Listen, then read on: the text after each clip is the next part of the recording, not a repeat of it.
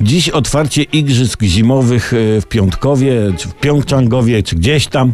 No i nie sposób tutaj nie wysunąć takiej refleksji, jak ważne na zimowych igrzyskach są, sporty, są sportowe dyscypliny zimowe.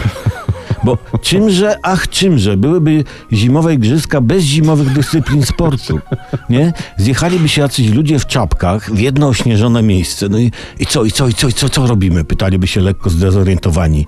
Czy ja wiem, ktoś odpowiada, może się napijmy. Dobry, dobry, dobry pomysł, a co później? No, znów się napijemy. Okej, okej, ko- podoba nam się to.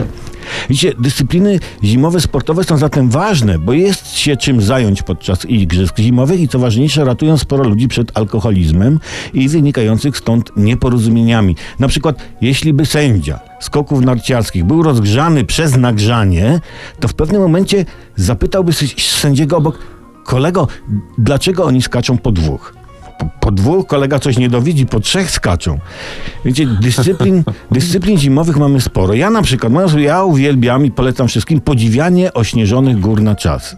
Każdy zawodnik dostaje grzańca i kto szybciej podziwia, ten wygrywa. I to uwaga, w tej dyscyplinie potrzebna jest nie tyle przepustka na stok, tak zwany ski pass, ale bardziej przepustka do tojtoja, tak zwany sik pass. E, bo wiecie, z wyciągami i zjazdami to należy uważać. Ja kiedyś zobaczyłem wyciąg z kąta i zaliczyłem zjazd. Ale tu już wkraczamy na grząski teren cienkiego lodu całorocznej dyscypliny zimowej. Dlaczego całorocznej zimowej? No bo bez względu na porę roku, na myśl o wyciągu z kąta, to człowieka zmraża.